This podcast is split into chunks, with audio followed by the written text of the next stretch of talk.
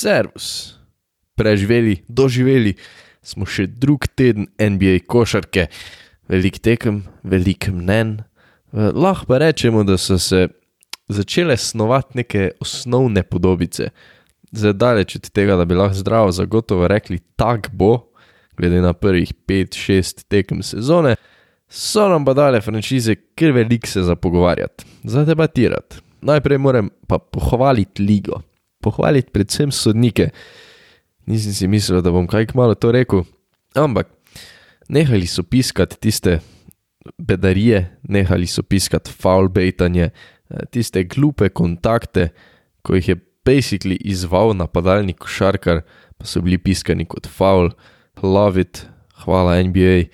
Zdaj, itak še vedno vidimo občasne brain farte strani sodnikov, ampak eh, letos je igra neverjetno bolj tekoča, več pustijo, da se špila in za mene je to beautiful. Pač da lahko dejansko malo bolj fizično igraš, da lahko igraš obrambo, eh, ne samo da je faul vsak stik, sploh pod obročem, je veliko manj prostih čez celo ligo in jaz mislim, da je to kar lepši basket. Je pa to nekako fejst vplivalo, oziroma še vpliva na določene posameznike, eh, veliko, veliko jih je, ampak nekako se mi zdi, da se največ govori, pa da se največ tudi vidi, to vpliva na Treja Younga in pa Jamesa Hardna, ki sta bila tudi med tistimi, ki so znani po tem, da nekako eh, na silo dobivajo faule, da izzivajo faule, da igrajo na faule, pa zdaj letos več ne morejo. Ampak to je bila pohvala dneva, zdaj pa se selimo na eh, nekakšne ekipe in na mnenja, situacije okoli teh ekip. Pa da začnemo z Dallasom. Se zelo, zelo veselim večerne tekme ob normalnem terminu, lepo se ga bomo zakempali v Poislo na kavče in si ogledali Dallas v res uh, zelo, zelo redkem terminu, ki uh, ni v zgodnih jutranjih urah. Uh, ampak kar se Dallasa tiče, bom prvo začel pri trenerju, čeprav so 3-2, torej ima pozitiven rezultat, Kid zaenkrat na mene še ni naredil nekega pozitivnega vtisa. Uh, bom pa počakal, vsaj kar se trenerjev tiče, no bom še počakal, malo pred njih začnem razbijati isto kot pri Kidu. Um, je pa veliko stvari v igri, ki jih preprosto ne razumem. Ena glavnih je, da sem velikokrat videl, da hoče Donke nekako off-ball igrati ker je veliko, veliko manj učinkovit kot takrat, ko imaš žogo v rokah. To mislim, da je jasno tudi lajkom, to ne razumem.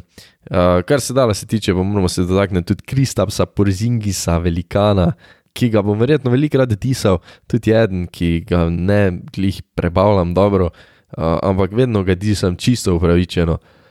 Odšpila je tri tekme, zdaj je že spet malo poškodovan. Pojavljajo se tudi slike, oko ima plavo, tako da ne vem, komu je dopisal. Ampak um, zdaj je odšpila tri tekme in na vseh teh treh tekmah ima skupno 18 reboundov, pa 38 pik. Skupno. Potem ima še čudovito zaokrožen 30 odstotkov met iz igre, 4 zadete trice. To je kar za bruhat. In ja, no, mislim, vedno bolj se kaže da ni dober partner za Donkeja, da ne paše z njim skupaj, da je podpoprečen rebounder, kar ne vem, kako se lahko naredi, glede na to, da je za glavo višji od večine.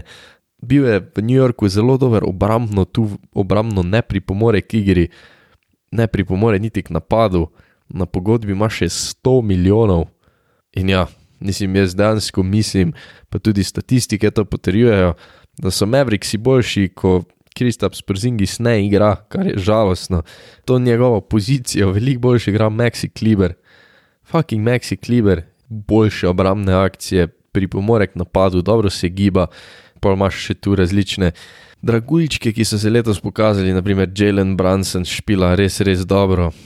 Me je strah, kaj bo Dallas naredil, no, zaradi tega, ker uh, dvomim, da je pogodba Kristapsa Przingisa tradable, čeprav videli smo, kakšne pogodbe so v zadnjih letih že pošiljali, ampak uh, tule res ne vidim glih situacije, kjer ekipa bi Przingisa hotla. Pa da se dotaknemo še druge ekipe, Brooklyn ima tudi težave. To je dejstvo. Vidno so frustrated, med drugim je Kevin Durant na eni izmed zadnjih tekem po McConnellovem faulu. basically kometek žogo vrgu v tribune oziroma med gledalce, tako zelo, zelo frustriranje. Ampak tu se mogoče moramo najbolj dotakniti, torej Jamesa Hardna, ki ima res probleme s temi fauli. Poprečno je vsega samo 19 pik na tekmone in glede na to, da govorimo o enem najboljših ofenzivnih igralcev zadnjih let moderne ere, je to res malo. Uh, iz igre meče 37 odstotkov, število prostih metov je strmo, strmo upadlo. V zadnjih letih v Houstonu jih je imel okoli 11 na tekmo, ko je prišel Brooklyn, je sicer to padlo, to je logično, glede na njegov usage rate, ki je šel tudi dol, ampak tudi Brooklyn v lani je imel dobrih 7 na tekmo, letos je preslabih 6. Kaj jaz tu ne štekam, ne? je, da je James Harden še vedno eliten, eliten basketaž z neverjetnimi potezami pa še kar proba izsiljevati te faule, te bedne faule in pa se joče, ker jih ne dobi. Pač jasno so dali vedeti, da jih ne bojo piskali, tudi v prvih dveh tednih so bili kar, se mi zdi, da skladni s temi odločitvami, torej dejansko niso nobenemu piskali. In ja, pač Harden je bil tisti, ki je najbolj igral na faule. In mogoče to, kak nekako Brooklyn tudi napeljuje, je zdaj on tisti poster child tega novega pravila, ampak eh, jaz res mislim, da s tem, ko še kar proba te fale iskati, podpihuje to stigmo in da dejansko mu pa mogoče še manj piskajo, ko bi mu pa dejansko lahko ne. Proba tiste forice, premaga svojega branilca, pa pa namesto, da bi šel v prodor, se ustavi pa išče kontakt. To na bo šlo, je pa mogoče tudi res, da James Harden letos ni prišel kot ponavadi, no se mi zdi, da je pripravljen na sezono. Res je, da je imel v končnici tudi poškodbo, nekako je to že skladno, da oktobra ne pride glih optimalni fizični pripravljenosti. Bomo videli, kako bo Brooklyn njime zdaj glih strah za njihov uspeh, ampak bo pa mogli veliko stvari poštudirati, sploh tudi s Kyriem Irvingom. Nekako mogoče celo rabijo tega drugega elite garda, čeprav peti milis igra neverjetno dobro. Pa da se preselimo naprej, v ligi nimamo več neporažene ekipe, čisto vsaka ekipa je že doživela poraz, jih je pa kar nekaj, ko so sam enkrat puhnili. In zelo zanimivo je na vzhodu, kjer imajo Nixi, Bulsi in Wizardsi pet zmag z le enim porazom. Meni največji šok so Wizardsi, fucking 5-1, eh, so zelo, zelo globoka ekipa imajo tistega starja, čeprav še ne špila dobro, ampak Bradley Bill je zvezda, so pa zelo, zelo balancirana ekipa, imajo ogromno možnosti, imajo Montreza Herla, Kajla Kuzmo, Davisa Bertansa, Denja Audio, Gefforda, sicer Gefford se je poškodoval na zadnji tekmi, ampak eh, bomo videli, pa imajo naprimer torej tudi eh, KCP-ja, ki igra obrambo. Obramba je nekaj, kar je v izrcem zadnjih letih hudo, hudo, hudo manjkalo. Špilajo precej, precej dobro, no tudi kot ekipa, nekako obrambno, polmajo pa backcourt iz Spencerja, Dinwidija, pa Bradleya Bila, ki zaenkrat deluje res dobro, čeprav Bill še res ne igra glih po tistih lanskoletnih standardih, ampak da se vrnemo k ekipam, ki so 5-1, Chicago Bulls. Proti Torontu jih je Derozen rešil sicer v zadnji minuti, še vedno Bullsi niso zelo, zelo prepričljivi, čeprav igrajo dobro, čeprav kažejo, res všečne zametke, uh, ampak še niso, vidi se, da še niso tisto čisto sinkani drug z drugim, sploh te zvezde. Igrajo zelo dobro obrambo, kar bolj sem noben ni pripisoval na začetku sezone. Ta obramba je elitna, sploh na branilskih položajih, tam imajo Lonza Bola in pa Karusota. Karuso ima skoraj tri ukradene žoge na tekmo, mogoče je celo napad bolj tisti, kar še ne steče. Ne. Čeprav so vsi napovedovali, kako bo jaki v napadu, pa se so ne, ampak tu imaš neke tri elitne ali pa blizu elitne scoring mašine, ofenzivne igralce, tu imaš Demarja Derozena, Nikola Vučeviča, Zeka Lavina, pa imaš v bistvu še enega, ki ima praktično skozi žogo v svojih rokah, torej Lonzo Ball, orkestrira ta napad. Bomo videli, ko bo napad stekel, bi znali biti bursi nevarni, definitivno so pa zelo, zelo, zelo všečna ekipa. Eh, je pa res, da so zdaj že vstopili v nor razpored do skoraj en mesec, no, oziroma tam blizu je basically najlažja tekma Dallas, kar ni glih lahka tekma, ne, to se mislim, da lahko strinjamo. To obdobje so začeli z tekmo proti Utah Jazzu in jih poknili. Poknili so jih tudi spet na krilih Demarja Drozena in poskrbeli basically tudi, da nobena ekipa ni več neporažena, ker Jazz je bil pred Bulsi neporažen. Tako da, ja, no, Bulsi so zelo všečni. Zdaj, Vučevič je sicer izjemen handicap v obrambi, tudi napadu še ni pokazal glih tega, kar bo mogel pokazati, ampak bi pa na obrambo v prihodnjih mesecih znalo vplivati poškodba Peta Williamsa, ki je za 4-5 mesecev out zaradi operacije za pestja. To bi, to bi znala biti neugodna. Ampak tisti en poraz, Bullsom, ne, en poraz, jim je pa zadala ena druga ekipa, ki je 5 in 1, in to so New York Nixi. Bullsom so zadali poraz na tekmi 104 proti 103, nora tekma. V bistvu je New York že imel tekmo v svojih rokah, več kot 10 pik so bili spreda, par minut pred koncem, Na koncu je šel Julius Randall 0-2 proste mete, kar je katastrofa. Ampak čist, čist na koncu je pa Demar DeRozan, pump fake, vrgu, airbalov, ob sireni, nigli sedla. Uh, ampak mislim, niksi so igrali bolje, niksi so v bistvu jih outplayali in obdržali, zadržali to prednost, čeprav se skoraj botlali. Zelo dobro je igral Kemba Walker, igra dobro, čeprav ni več tisti Kemba izpred par let. Ima tu zelo dobro vlogo, zaradi tega, ker basically Julius Randall, ko je bil lani v veliki meri sam, ne rabi sam pač več iskati košov, ampak dejansko lahko svoj nek playmaking uporabi tudi, da poda ven, kemba skine te trice, doda te mete za tri točke, ki so lani v New Yorku noro, noro manjkali. Imajo zelo globok kader, New York je precej boljši kot lani, več možnosti imajo, kot sem že omenil. Torej, nisem daj Julius Randlu žogo, pa naj nekaj naredi. Imajo Derika Rosa, imajo Kembo Walkerja, imajo Evana Fournierja, imajo RJ-ja Berta, ki je basically igral noro obrambo pri tistem Derozenovem metu. Imajo Toma Tibodoja, ki je bil lani coach of the year, basically imajo že lani dobro obrambo. Letos so napredovali še v napadu, ekipo so sestavili tako, da deluje, Jaz še vedno mislim, no, da je vprašanje, če jih lahko štejemo v nek krog favoritov, ampak v rednem delu sezone pa res mislim, da bi lahko bili dobri. Ne. So dobili neko to kreacijo napada in kot sem že omenil, noro, noro skočili v poskusih tric, lani tega ni bilo, zelo Rendl podaja ven na trico in so tam dejanski šuterji, ki jih ni strah, ki so dobri šuterji. In se letos lahko v bistvu New York zanaša na več orožij. No, zdaj pa da se preselimo še pa k dvema ekipama, ki imata par težavne. In prva so Celticsi. Boston Celticsi so špilali tri tekme z overtimom, tri tekme so že igrali z podaljški, proti Nixom pa Wizardsom so igrali celo dvojni overtime. Tako da, basically so igrali že pet podaljškov na šestih tekmah, kar je noro so pa mogoče se izkazali za kar razočaranje, vsaj v mojih očeh, no, ker se je pokazalo, da niso glih tip ekipa, niso glih tako dobro sestavljena, kot sem vsaj jaz mislil, da so.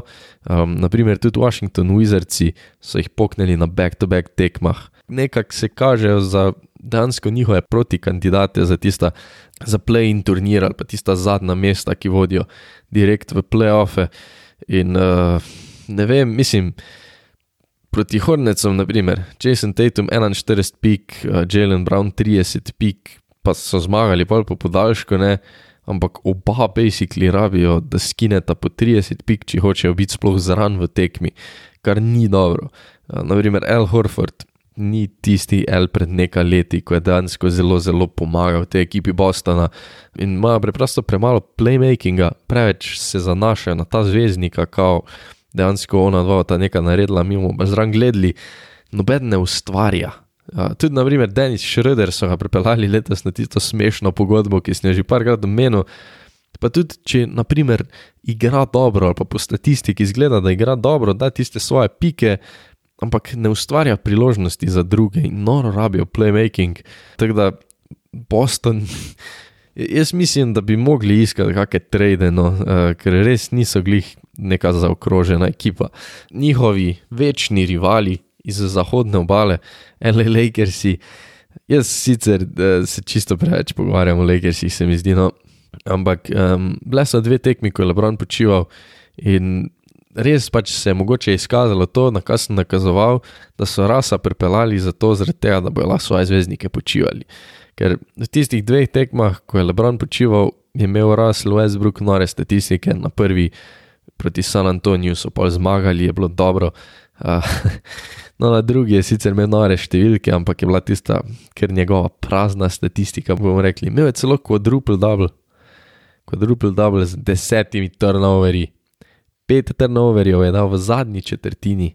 In basically so blowali 26 point lead, torej vodili so za 26 točk, pa so ga blowali proti fucking Oklahoma City Thunder, eni najslabših ekip, eh, oziroma ekipi, ki cila na tisti prvi izbor na naboru.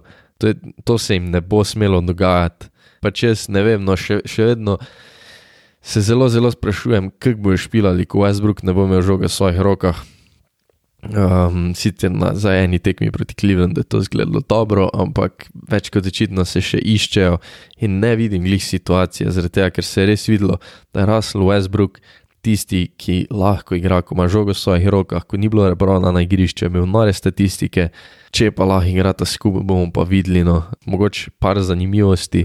Dwight Howard je skino trico, trico proti Clevelandu tisto tekmo je bil torej Russell Westbrook precej dober, kljub temu, da so igrali vsi trije zvezdniki, uh, jak je bil tudi Carmelo Anthony s 24 točkami. No, prišli smo pa do ene tako eh, mini rubrikice, kjer uh, moramo dati props pa aplaus letošnjim rukijem. Letošnji ruki so se dokazali za neverjeten draft class, uh, igrajo neverjetno dobro. Medtem prvi pik, torej Kate Cunningham, sploh še ni zaigral, drugi pik, Jalen Green je sicer pokazal prebliske, ampak je imel samo eno tisto noro tekmo, ko je dal 30 pik. Um, in ima malo težav na začetku z tem scoringom, ampak me ni glih strah. Potem pa tretji pik, Evan Mobley, uh, igra noro, igra noro v sistemu, ko si ne bi mislil, da bo igral tako noro, zaradi tega, ker je basically center, ki igra zdaj na štirki v Clevelandu, kjer so v prvi peterki štiri ali pa tri, seven footeri, kar je zelo zanimivo, ampak Mobley je elitno brambno. Jaz mislim, da ima dansko potencial za Defensive Player of the Year, uh, ker pokriva tudi branilce.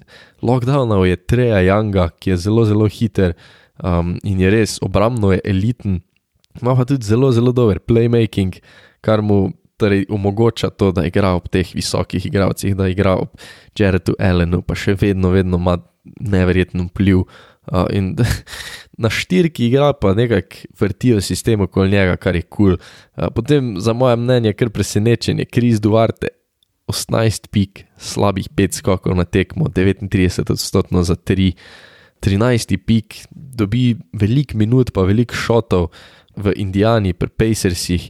Zdaj, zanima me, kako bo, ko prija nazaj TJ Warren, ko prija nazaj Karis Lavert, glede na to, da igrajo podobne pozicije, ampak uh, je mal starejši, star je 24 let in vse nekaj kaže, da starejši košarkari pridejo bolj pripravljeni, no, uh, bolj, bolj pašejo že s prve v to ligo. Je pa torej zelo dober igralec na solidni ekipi, ki se poteguje za playoffe, všečna, potem Scotty Barnes, četrti pik iz Toronta. Skoraj me tako malo spominja na Janisa, zadnjič pobral skok s tremi driblingi, prišče celo igrišče, kujcal, zelo dober defender, zelo všečno ga gledati. Josh Gidi iz Oklahome in dober playmaker, uh, zadnjič je imel 10 asistentov na eni tekmi in to postal uh, drugi najmlajši igralec za Lebronom Jamesom, ki je dosegel 10 asistentov na eni tekmi. Ima um, povprečno na tekmo 11 pik, 6 skokov, 6 asistentov je pick and roll pošast in je basically lahko primary ball handler, torej da ima tisto žogo v rokah. In uh, potem pa še Davian Mitchell iz Kingsov. Majster se je na prvih parih tekmah obrambno spopadal z Donovanom Mitchellom, Curryjem, Lillardom. Mislim, ne moremo reči, da jih je ustavil, ampak je držal svoje. Uh, Tako da je mogoče boljši fit, kot sem mislil, ampak še vedno je tu dejstvo, da ima preveč ball handlerjev, glede na to, da je guard. Bomo videli, no je še vedno ne vem, kako pa še v Kingse, ampak je pa ležit, ležit obrambni igralec. Tega letošnji rookie class eh, me navdušuje, je zelo dober, zelo zaokrožen. Komaj čakam, no, eh, da vidim, kaj se razvijajo ti mladi košarkari. No, na koncu pa lahko naredimo še en speed round, speed round z uh, ekipami, situacijami, ki jih mogoče nisem omenil, uh, bojo prišle, ne dvomim, v prihodnih tednih na vrsto. Ampak uh, LA Clippers, Paul George sicer pošast, ampak so samo ena štiri. Potem Damien Lillard, skleda malenkost zgubljen, o overreactionih po prvem tednu sezone sem pisal tudi v zadnjem članku na spletni strani, tam sem napovedal, da Dame sezone ne bo končal v Portlandu. Bom vesel, če prečitate, ampak ja, no, mislim, jaz mislim, da mora Portland pa končno skineti tisti panic button. Uh, potem naslednji, Jamorant, ima 16 točk na tekmo v raketi.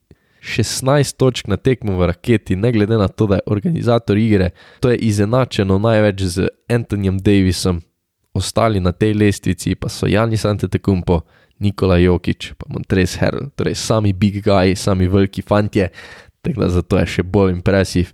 Uh, no, ena še, ki jo mogoče moramo reči, je, da Milwaukee Bucks kar pušijo uh, in imajo mogoče malo problemov, zdaj trenutno so 3-3, sem tu zdaj ne moremo glih ful velik uh, vleči nekih zaključkov, zato ker nimajo glavnih igralcev, no, ampak bojo mogli mogoče malo stopiti na plin. Uh, potem Miles Bridges, Charlotte Hornets, neverjetno, Bridges ima 26 pik na tekmo. Pa še ena je franšiza, o kateri se danes nismo pogovarjali, pa verjamem, da smo kmalo spet mogli, Filadelfija ne sede jim glih, uh, več kot očitno rabijo ballhandlerja, rabijo nekega garda v backcourtu, ki lahko bolj organizira napad kot Tyrese Maxi. To je smešno, ampak dejansko bo čim prej rabili Simonsa pripravljenega. Je pa tudi Joel Embiid, lani bil MVP kandidat, letos je precej bolj bogino. Um, sicer naj ne bi bil čisto zdrav, ampak trenutno ni na MVP ravni, sploh ne meče dobro izigreno. Tak to je to za speedround, to je to za ta teden. Um, danes bodite pozorni, torej danes v ponedeljek bo na Facebooku tudi kratek recap vikenda, da vas še tam ne pustim hladnih, torej kaj se bo za vikend naredilo. Upam, da vam je epizoda sedla, če vam je, vse cenim, če stisnete like, se naročite. Če komu priporočite tisto iz srca. Um, zdaj, vesel sem, če se odločite prečitati tudi kak članek na spletni strani, za mnenje, debate, pa sem vam vedno na voljo na klasičnih platformah, ne? torej Facebooku, Twitterju, Instagramu. Link do vsega, kar sem jih kar lapal, imate pa v opisu epizode. Bodite fajn, ajde!